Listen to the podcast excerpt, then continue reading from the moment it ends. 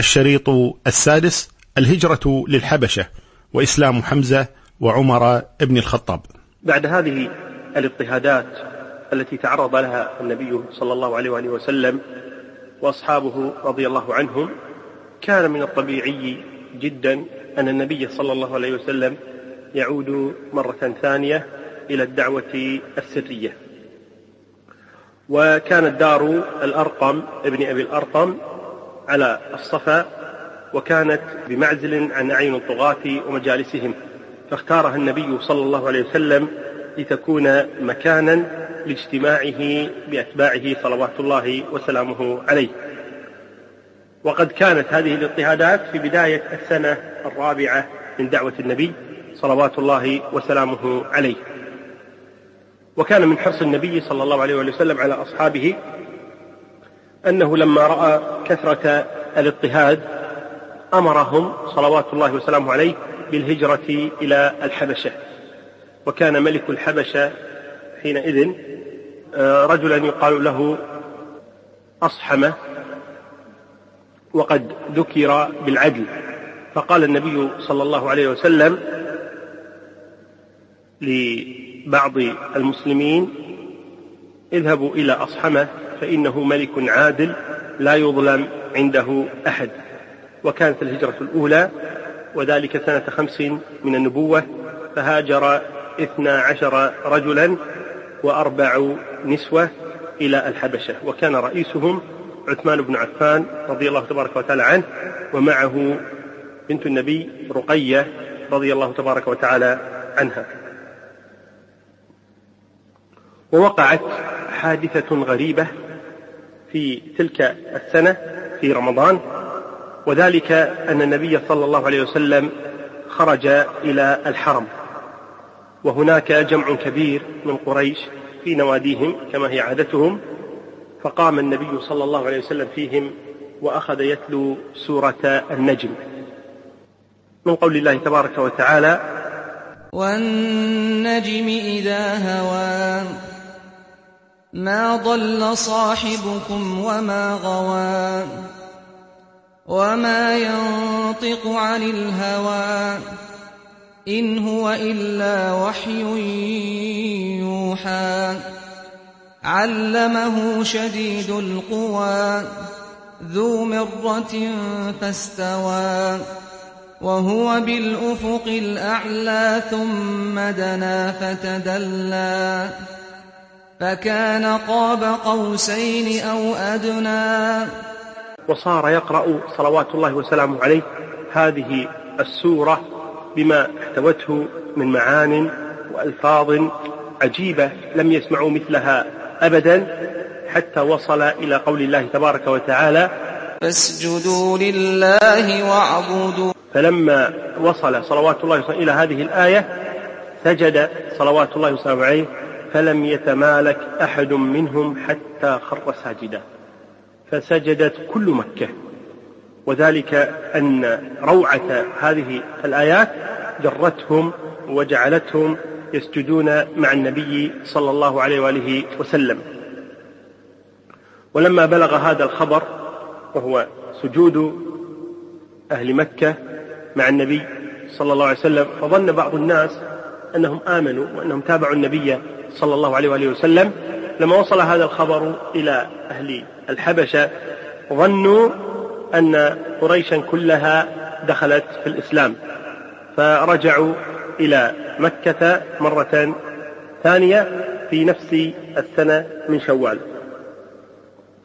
فلما وصلوا إلى مكة تبين لهم أن الأمر ليس كذلك وأن ذلك السجود إنما وقع منهم اعترافا وإقرارا من داخل نفوسهم بصحة نسبة هذا القرآن إلى الله تبارك وتعالى. ولا بأس أن ننبه على قضية. جاء في بعض الروايات قصة يقال لها قصة الغرانيق. وهذه القصة يعني مجملها أن النبي صلى الله عليه وسلم لما قرأ سورة النجم ولما بلغ قول الله تبارك وتعالى أفرأيتم اللات والعزى ومناة الثالثة الأخرى ألكم الذكر وله الأنثى؟ تلك إذا قسمة ضيزى إن هي إلا أسماء سميتموها أنتم أسماء سميتموها أنتم وآباؤكم ما أنزل الله بها من سلطان. تذكر بعض الروايات أن النبي صلى الله عليه وسلم ما قرأ أفرأيتم اللات والعزى ومناة الثالثة الأخرى؟ سمعت قريش قول النبي صلى الله عليه وسلم بعد ذلك يقول أو سمعت قريش بعد ذلك النبي صلى الله عليه وسلم يقول تلك الغرانيق العلا وإن شفاعتهن لترتجى. فتكون هكذا أفرأيتم اللات والعزى ومناة الثالثة الأخرى تلك الغرانيق العلا وإن شفاعتهن ترتجى قالوا ولهذا سجد أهل مكة الكفار من الكفار منهم مع النبي صلى الله عليه وسلم مدح أصنامهم وأثنى عليها. وهذه القصة باطلة ليس لها سند صحيح وإن ذكرها بعض أهل العلم والدليل على بطلانها أن النبي صلى الله عليه وسلم لا يمكن أبدا أن يقول مثل هذا الكلام وذلك أن هذا الكلام كفر. كيف يثني النبي صلى الله عليه وسلم على اللات والعزى ثم كذلك هذه الرواية تخالف الرواية الصحيحة التي في البخاري والتي ذكرناها قبل قليل وأن النبي صلى الله عليه وسلم إنما قرأ سورة النجم كاملة فسجدت قريش بهذه السورة لا لأجل ما ذكر أنهم سمعوه وهو تلك الغرانيق العلا وإن شفاعتهن لترتجى. وقد ذكر بعض الرواة أن إبليس ألقاها أي هذه الكلمات على النبي صلى الله عليه وسلم ولم يشعر.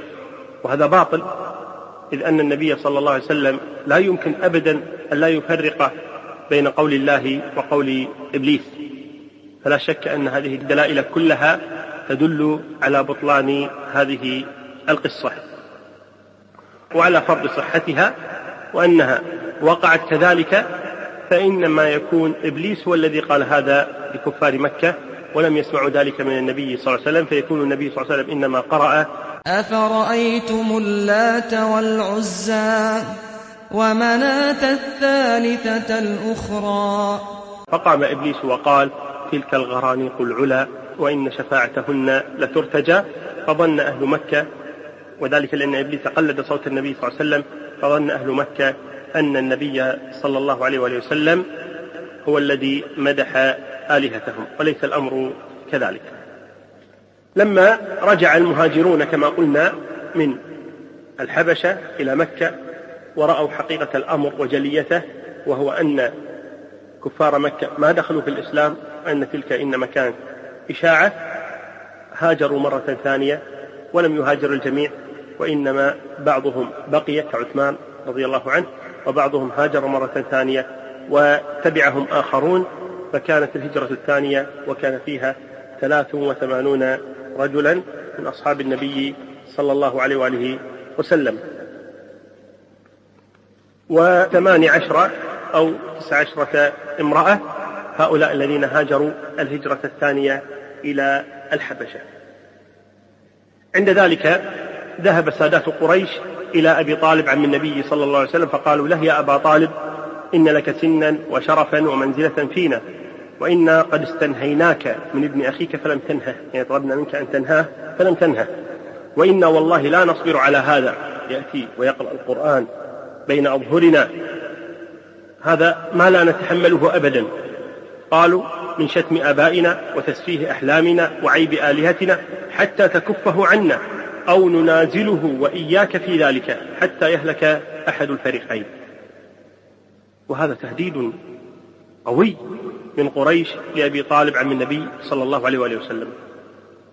لما رأى أبو طالب هذا الأمر قد اشتد بعث إلى رسول الله صلى الله عليه وسلم وقال له يا ابن أخي إن قومك قد جاءوني وقالوا لي كذا وكذا وذكر له ما قالوا. فأبق علي وعلى نفسك ولا تحملني من الأمر ما لا أطيق.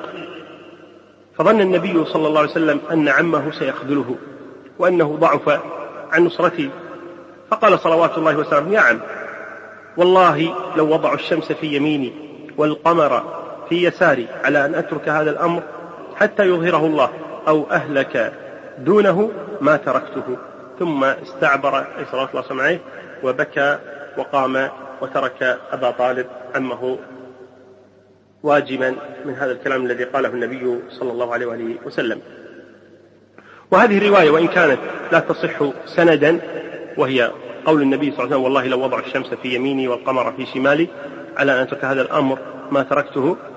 هذه وإن كانت ضعيفة من حيث السند ولكن كما ذكر أهل العلم أن السيرة السيرة يتسامح فيها ولا بأس بذكرها لأن النبي صلى الله عليه وسلم ثبت أنه لم يتنازل ولكن هل قال هذه الكلمة بذاتها أو قال غيرها؟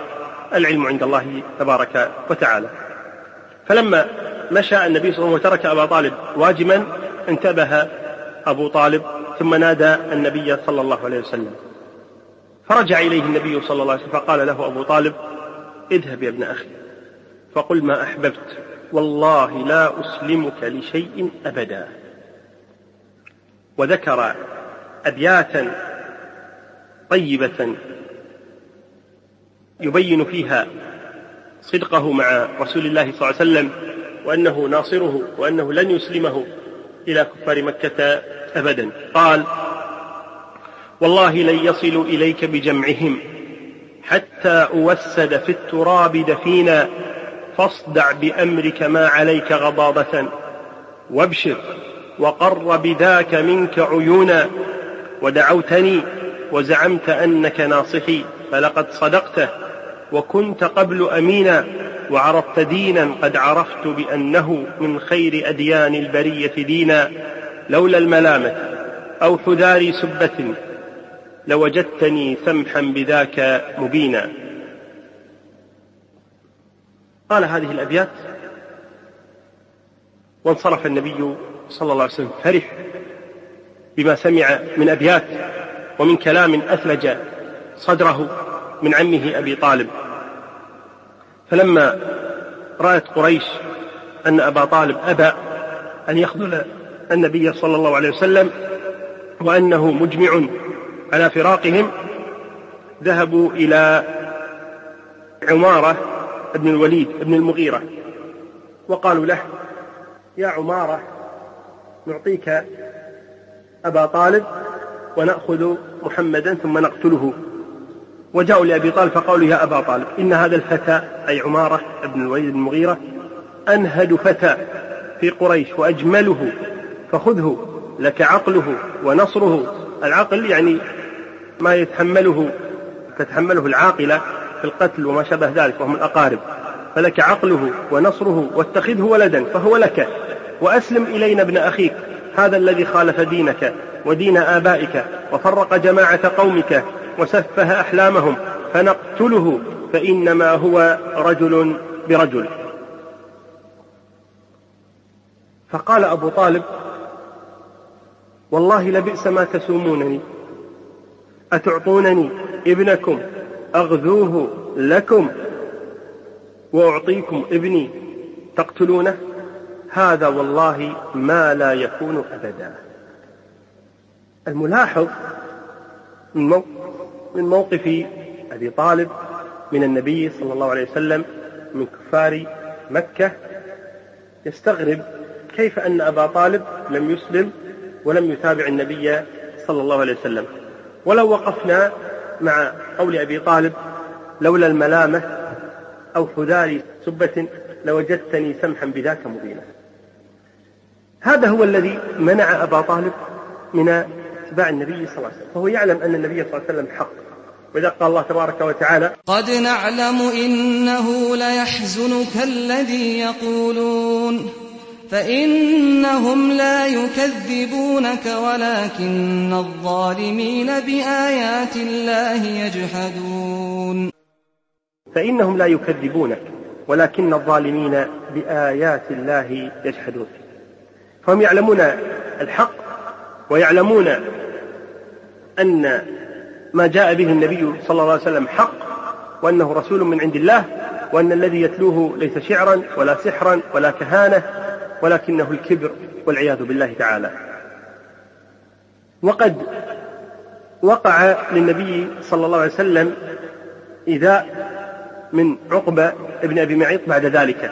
كما روى البخاري في صحيحه عن عروة بن الزبير قال سألت عبد الله بن عمرو بن العاص أخبرني بأشد شيء صنعه المشركون بالنبي صلى الله عليه وسلم. فقال عبد الله بينما النبي صلى الله عليه وسلم يصلي في حجر الكعبة إذ أقبل عقبة ابن أبي معيط فوضع ثوبه في عنقه فخنقه خنقا شديدا أي خنق النبي يريد قتله يقول فأقبل أبو بكر حتى أخذ بمنكبيه أي منكب منكبي عقبة.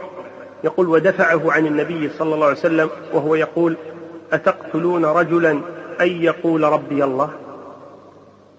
ثم جاء بعد ذلك النصر من الله تبارك وتعالى بإسلام رجلين.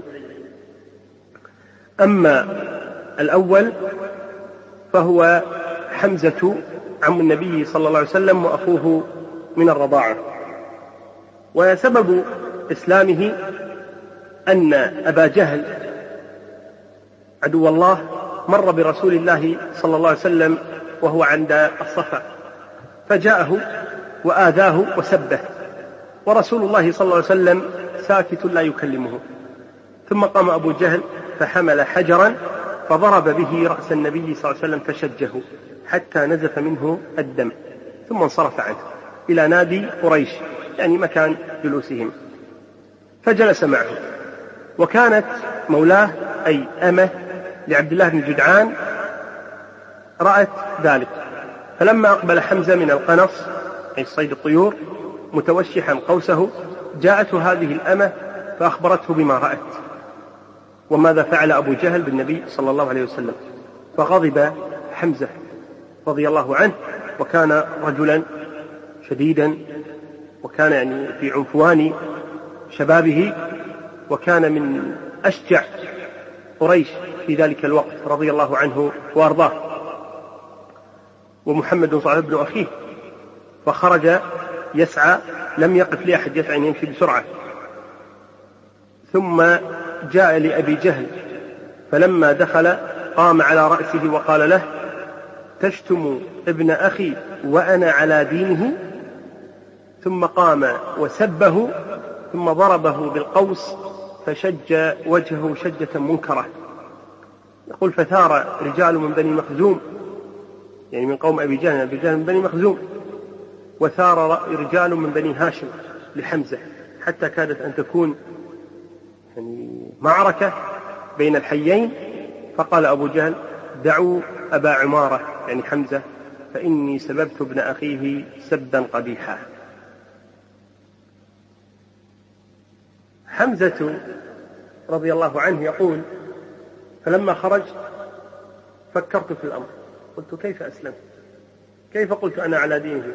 وأنا لم أسلم بعد. يقول فما هو إلا أن شرح الله تبارك وتعالى صدري الإسلام. وذلك أنه ذهب للنبي صلى الله عليه وسلم فقال يا ابن أخي إني قلت كذا وكذا. فماذا أصنع؟ فدعا له النبي صلى الله عليه وسلم بأن يشرح الله تبارك وتعالى صدره للإسلام. فشرح الله جل وعلا صدره للإسلام وأسلم وكان إسلامه نصرا للمؤمنين. وأما عمر وهو النصر الثاني فإن النبي صلى الله عليه وسلم قد ثبت عنه أنه قال اللهم أعز الإسلام بأحب الرجلين إليك بعمر بن الخطاب أو بأبي جهل بن هشام. وقصة إسلامه جاء فيها أكثر من رواية ولكن أقرب الروايات إلى الصحة هو أن عمر رضي الله عنه يقول خرجت يوما إلى البيت فالبيت الحرام يعني. يقول ودخلت في ستر الكعبة والنبي صلى الله عليه وسلم قائم يصلي وقد استفتح سورة الحاقة. يقول فجعل النبي صلى الله عليه وسلم يقرأ يقول عمر وأنا أستمع. يقول وأعجب من تأليفه. أي تأليف هذا القرآن يعني كيف هو مؤلف. يقول يقول فقلت في نفسي هذا والله شاعر كما قالت قريش. فكان قول يعني كانت قراءة النبي صلى الله عليه وسلم قد وصلت إلى هذا الموضع. إنه لقول رسول كريم. وما هو بقول شاعر قليلا ما تؤمنون. يقول فقلت في نفسي كاهن. فقرأ. ولا بقول كاهن قليلا ما تذكرون. تنزيل من رب العالمين. يقول عمر فوقع الإسلام في قلبي ولما أسلم عمر جاء إلى رجل يقال له جميل بن معمر. وهذا جميل بن معمر نقاله للحديث. لا يستطيع أن يسكت أبدا. فجاءه عمر فقال له أريد أن أخبرك شيئا. قال وما هو؟ قال على أن لا تخبر أحدا. وعمر يدري أن هذا الرجل لن يصبر ولكن أراد أن يكون إخبار قريش عن طريق هذا الرجل. فقال له أسلمت. فقام هذا الرجل اللي هو جميل بن معمر فنادى بأعلى صوت إن ابن الخطاب قد صبأ إن ابن الخطاب قد صبأ ويسير فيها يركض إن ابن الخطاب قد صبأ. وعمر يجري خلفه ويقول كذب ولكني أسلمت. فقاموا إلى عمر رضي الله عنه فصاروا يقاتلونه أي يضربونه يحاولون ضربه وهو يضربهم ويضربونه ويضربهم. هكذا حتى ارتفعت الشمس. وذكرت بعض الروايات أنهم ضربوه حتى سقط مغشيا عليه من شدة ضربهم. يقول عبد الله بن مسعود رضي الله عنه ما كنا نقدر أن نصلي عند الكعبة حتى أسلم عمر. وقال كذلك ما زلنا أعزة منذ أسلم عمر.